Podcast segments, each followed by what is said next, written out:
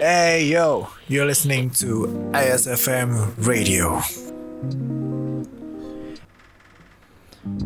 Oke, sekarang gue lagi pengen ngomongin uh, sesuatu yang lagi rame banget sebenarnya, yaitu sebuah drama. Bisa kalian tonton di Netflix atau enggak mungkin uh, di di mana ya? Terserah sih.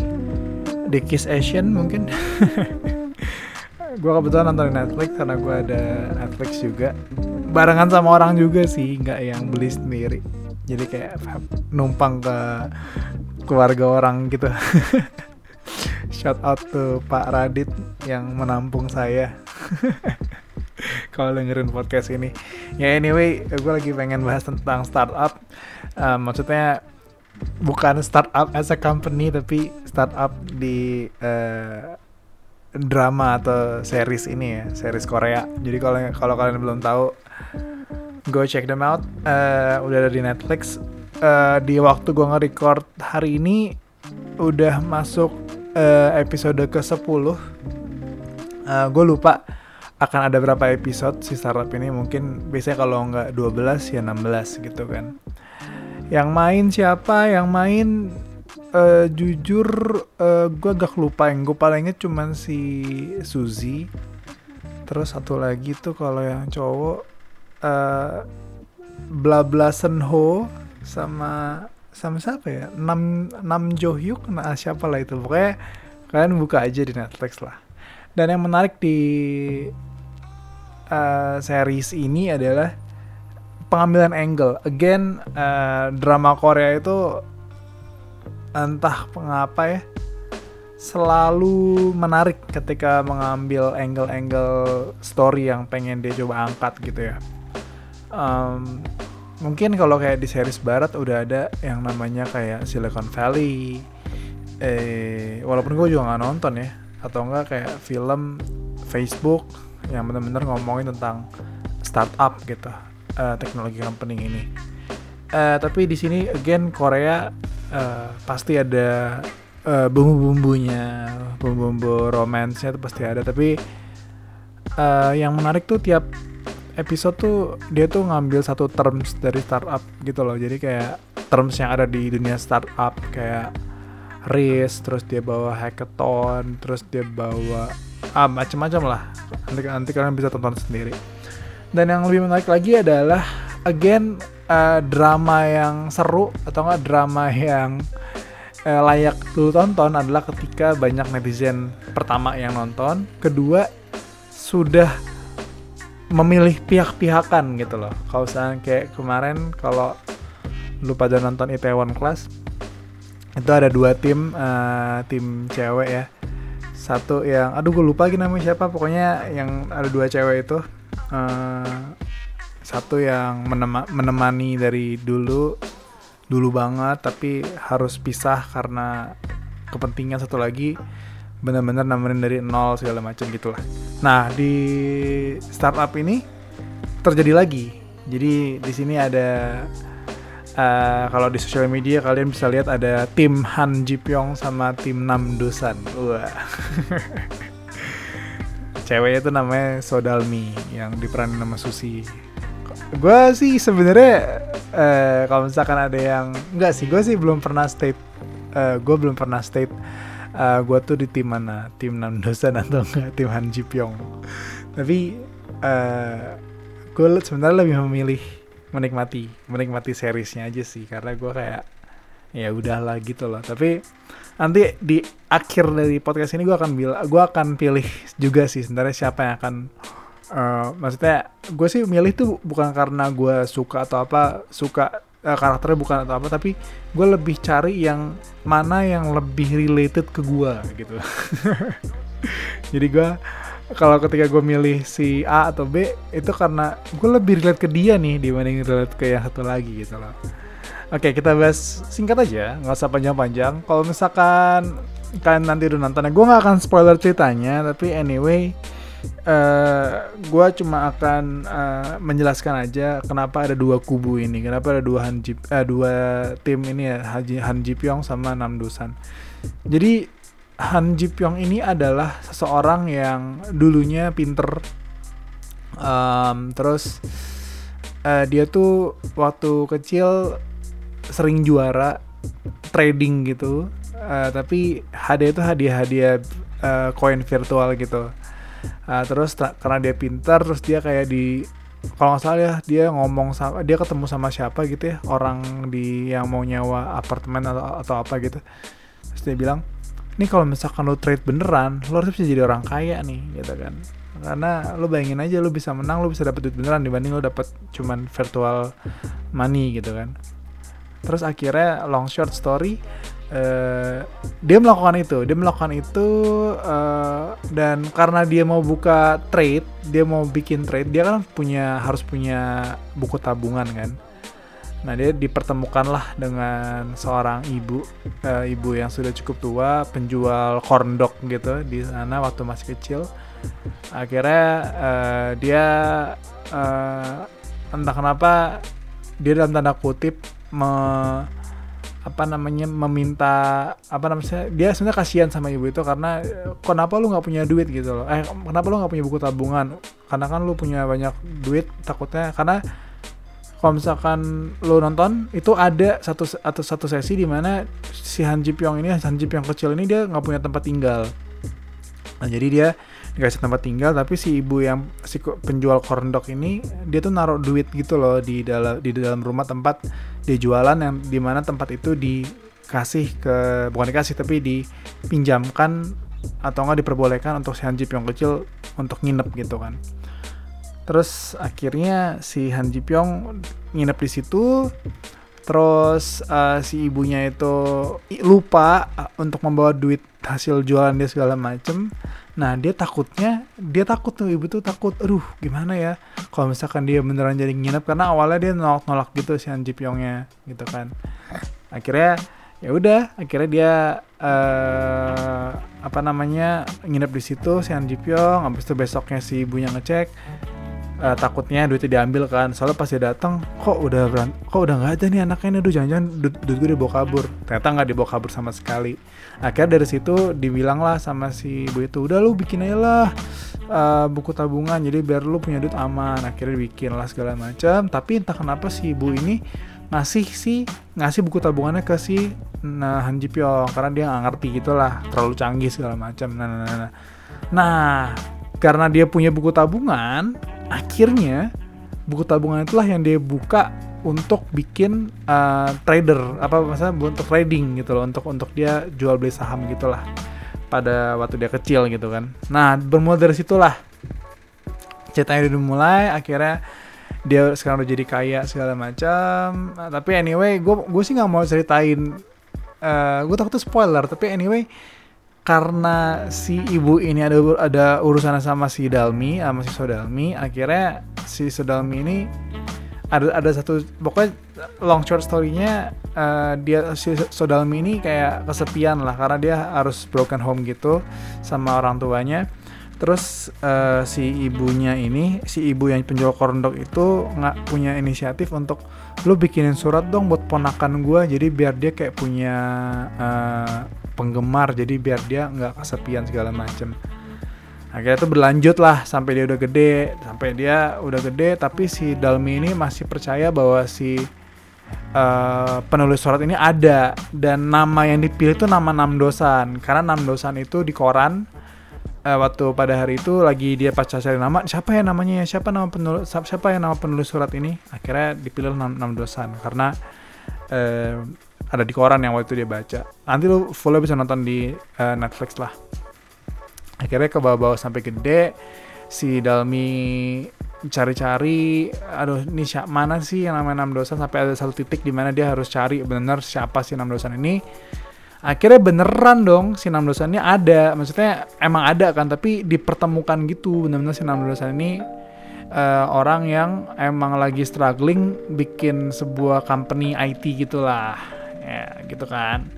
Ya kurang lebih baseline-nya itulah baseline ceritanya tuh. Gue ada hampir 10 menit cuma ngomongin uh, awal story-nya. Tapi anyway ini buat lo mungkin yang belum pernah nonton ya uh, jadi lo bisa bisa raba-raba dikit lah kurang lebih gimana build up story-nya kenapa ada tim Han Ji Pyong sama tim Nam Dosan.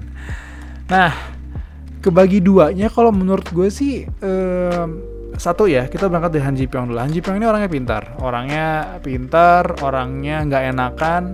Terus orangnya itu uh, emang udah punya skill. Jadi dia uh, pada saat udah gede pun dia sudah mapan udah punya perusahaan udah punya uh, venture capital uh, venture company yang yang untuk bisa mendanai perusahaan-perusahaan gitu. Uh, ya venture venture capital gitu. Nah akhirnya uh, sebenarnya kan harusnya kalau misalkan dia mau jujur sebenarnya enam dosa dalam tanda kutip kan sebenarnya si Han Ji Pyong kan. Jadi uh, banyak netizen tuh berharap harusnya nih Han Ji Pyong nih yang harusnya ngejadian bukan jadian tapi kayak harusnya deketnya tuh sama si Sodalmi gitu kan. Tapi karena Han Ji Pyong tuh dia bilang ya di, Nam, Namdosan tuh bukan gua gitu loh. Akhirnya ya si Namdosan yang benerannya lah yang emang ketemu sama si uh, Dalmi gitu loh. Dan menurut gue karakter dari si Andi Pyong ini emang orang yang emang pengen ngebantu, tulus juga, tapi sebenarnya dia tuh agak ini, agak kayak apa ya ngomongnya? Agak agak kayak jaga pride sebenarnya. Karena kalau menurut gue dari awal dia ngebantu ngebantuin itu pun kan karena nggak enakan dia nulis surat juga karena nggak enakan tapi karena dia terjun dia udah terlanjur tenggelam akhirnya dia kayak aduh kok gue jadi malah jadi kayak makin menikmati ya mak makin kayak suka gitu loh dengan apa yang gue lakukan ini walaupun ini cuma fake gitu kan. Uh, jadi ya kalau misalkan banyak orang bilang Han Ji Pyong lah nah Han Ji Pyong tuh yang udah nemenin segala macem ya nggak ada salahnya eh, nggak uh, ada salahnya dan emang dan emang uh, itu yang ke, yang terjadi juga gitu kan. Tapi kalau menurut gue sih ya namanya percintaan ya Han Ji Pyong tuh menurut gue sih ya ya udah oke okay aja sih menurut gue karena dia emang punya talenta punya skill dan uh, tapi salahnya dia mungkin karena uh, dia nggak mau utara itu dari, dari awal gitu loh. Jadi karena karena kan emang ya mungkin dia gengsi ya. Oh iya tadi kata-kata yang tepat adalah dia gengsian sebenarnya jadi akhirnya pas dia tahu ternyata si Dalminya kok pasti ketemuin sama si Namdosan kok dia kayaknya lebih demen sama si Namdosan ya? Gitu. Jadi tipikal si Han Ji ini orangnya gengsian segala macem lah. Nah kalau si Namdosan Namdosan ini menurutku ini orang yang uh, kalau misalkan masuk karakter dia sebenarnya orang yang oportunis. Jadi kayak uh, dia tahu uh, kapan harus bisa masuk kapan dia harus bisa melakukan sesuatu. Dan sekalinya dia ke trigger untuk melakukan yang paling baik paling bagus dan dan yang terbaik lah. Dia tuh pasti akan langsung ngelakuin yang paling baik yang dia bisa lakukan gitu loh. Jadi dia nggak mau setengah-setengah. Tapi sayangnya dia harus ke trigger dulu. Jadi kalau misalnya nggak ke trigger dia dia, dia dia tuh kayak kurang kurang punya banyak alasan gitu loh untuk kenapa gue harus ngelakuin itu gitu loh mungkin itu yang sisi negatifnya dari si uh, enam dosan gitu kan. Uh, terus si Namdosan ini pun orangnya uh, sebenarnya pinter juga. Karena dia dari waktu kecil dia tuh udah pemenang olimpiade. Walaupun ada sedikit ya nanti lu nonton aja gue nggak mau spoiler uh, kenapa dia bisa jadi juara olimpiade. Uh, terus uh, tapi dia emang dia pinter. Uh, dia paling jago coding dia antara timnya dia. Kan dia, dia punya Samsung Tech dia bertiga dan akhirnya pas masuk sandbox uh, sandbox tuh kayak uh, apa namanya kayak satu tempat venture gitu lah. Kayak apa sih? Pokoknya satu tempat untuk lo bisa gali ide lo gitu kayak buat akselerasi startup gitulah um, akhirnya dia juga punya tim lain juga tim UI UX segala macam terus uh, ada dalamnya juga dalamnya uh, terus si Namdosan ini uh, ternyata yang awalnya tuh dia cuman act as uh, penulis pena itu dengan segala macam brief dari Han Ji Pyong segala macam ternyata terlarut juga suka juga sama si Sodalmi dengan karakter Dalmi yang emang di sini mungkin emang didesain tuh orangnya tuh emang lovable yang gampang mengerti orang. Jadi kayak uh, emang mudah mudah terlarut sama orang-orang baik atau enggak sama orang-orang yang punya karisma. Jadi mungkin si Dalmi pun juga kayak ngerasa kok dosa nih orangnya menarik banget ya uh, maksudnya um, mau berusaha segala macem nggak yang kayak uh, nggak yang seperti yang dia orang-orang yang dia nggak suka. Jadi dia benar-benar masuk lah ke kategorinya apa maksudnya kriterianya si Dalmi. Nah kurang lebih itulah yang terjadi. Jadi kayak enam dosan tuh kalau banyak banyak banyak netizen bilang ya dia kan cuman kayak bonekanya dan tanda kutip Han Ji Pyong aja. Karena yang awal mulai tuh yang mulai semua tuh dari awal tuh sebenarnya Han Ji Pyong. Dengan penulis, penulisan suratnya ke Dalmi dari 15 tahun awal dari dari masih kecil 15 tahun kemudian tuh yang nemenin tuh selalu si Han Ji Pyong. Nah tiba-tiba datang si Nam Dosan yang tiba-tiba langsung deket sama si Dalmi nggak fair dong. Nah tapi menurut gue sih ya bukan masalah nggak fair ya tapi ya uh, Namdosan juga ternyata kan emang juga bisa ngerebut hatinya Dalmi gitu loh dengan benar-benar physically langsung ketemu gitu loh person by person to person dan yang emang kalau misalkan emang Han Ji Pyong mau kenapa nggak bilang dari awal gitu kan? Jadi kayak ya dilema dilema dari film itu dibuat seperti itu gitu loh jadi kalau misalkan menurut gue gue harus pilih siapa gitu gitu ya yang yang relate sama gue sebenarnya gue akan lebih ke Namdosan sih. Karena karena gue gue selalu percaya kalau kayak lu ketemu orang yang benar-benar cocok sama lu tuh mungkin emang di di di, di, di kondisi yang emang nggak nggak ideal gitu loh. Uh, kondisi yang nggak ideal kondisi yang lu nggak pernah tebak dan hal-hal yang kayak terjadi sama sama enam dosan di startup itu itu relatable banget sama gue dan gue sering banget dapat hal-hal yang seperti itu walaupun semuanya nggak nggak berakhir dengan mulus ya. Tapi gue sering banget terjadi seperti itu. Gue ketemu orang terus kayak tiba-tiba langsung ketemu tiba-tiba deket segala macam sering terjadi dan gue belum pernah yang bener-bener kayak Han Ji Pyong gitu loh yang kayak ya yang kayak yang kayak tadi udah gue jelasin panjang lebar itulah. Jadi kalau misalnya gue harus pilih sebenarnya gue pilih enam dosan sih. Karena sangat relate sama gue relate sama dengan apa yang uh, pernah gue alamin segala macam gue relate banget sama enam dosan jadi kalau misalkan gue gue disuruh pilih Andre lu pilih mana? Lu pilih enam dosan apa? NGP gue enam dosan enam dosan gue FTW karena relate banget sama gue tapi anyway gue nggak ada hate sama sekali sama uh, karakter dari Han Ji Pyong. Karena menurut gue ini drama yang bagus. Walaupun walaupun belum selesai um, dengan dia bawa nuansa startup, term-term startup uh, dan segala macamnya dengan cara treatmentnya Korea yang menurut gue nggak pernah fail. Ini uh, wajib banget lo tonton uh, untuk menemani lo uh, di tiap weekend atau enggak di tiap lo pulang kerja. Pulang kerja kalau lo emang berangkat kerja atau enggak lo di sela di sela-sela kesibukan lo WFH uh, selama pandemi ini mungkin uh, uh, drama yang worth it to binge lah untuk lo bisa tontonin. Uh, kalau misalnya lo belum belum mulai nonton, ini udah episode menurut gue udah 10 episode udah cukup banget untuk lo bisa uh, maratonin. Uh, mungkin gue gue lupa sih akan ada akan ada 12 episode atau 16 episode. Tapi ya anyway, uh, selamat menonton buat kalian yang akan menonton uh, drama ini. Um, semoga kalian juga bisa ikut-ikutan memilih-milih mau tim Han Ji Pyong apa tim Nam Dosan tapi anyway yang paling penting sih ya udah jangan take it too serious.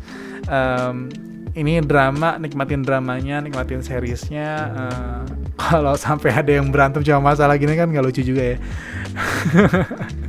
soalnya di Twitter tuh ada yang sampai bikin threadnya tuh kayak serius banget terus kayak ditanggapnya juga serius banget. Jadi kayak waduh ini aneh orang aneh banget.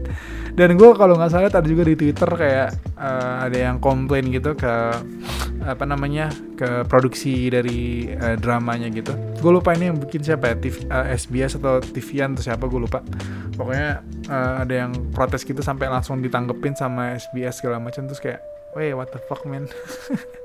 Lu nikmatin aja dramanya. Kalau lu punya argumen lu punya apa ya lu, lu, lu simpan atau enggak lu bisa omongin tapi lu nggak perlu sampai berlebihan seperti itu gitu lah semoga kalian yang dengerin podcast ini juga nggak melakukan hal yang seperti itu karena kayak aneh banget men. Nikmatin aja dramanya. Dan semoga berikutnya akan ada drama-drama lagi yang menyenangkan yang seperti ini seperti Itaewon Class seperti si apa namanya uh, startup ini segala macam. Karena uh, angle-nya tuh bener-bener beda gitu. Jadi walaupun lo nyajiin romance ya percintaan tapi banyak ambience banyak environment baru gitu loh yang di bisa jadi bumbu di dalam ceritanya gitu. Jadi jadi inilah kenapa salah satu alasan uh, Korean drama tuh cukup sukses. Banyak orang suka nonton ya salah satu contohnya ya karena ini gitu karena bumbunya banyak banget pinter dalam meramu segala macem gitu loh. Jadi ya ya semoga uh, kalian dengerin uh, gue nggak tahu tadi gue gue kayaknya sih ini gue tanpa skrip jadi kayak uh, mohon maaf kalau misalnya agak berantakan segala macem. Well anyway tapi gue cuma pengen nyampein ini drama yang bagus jadi kalau misalnya kalian pengen nonton drama ini silakan banget dan kalian tinggal pilih kalian timnya Han Ji Pyong Nam Dosan atau mungkin kalian malah tim tim yang baru pulang dari negara sana yang lagi bikin acara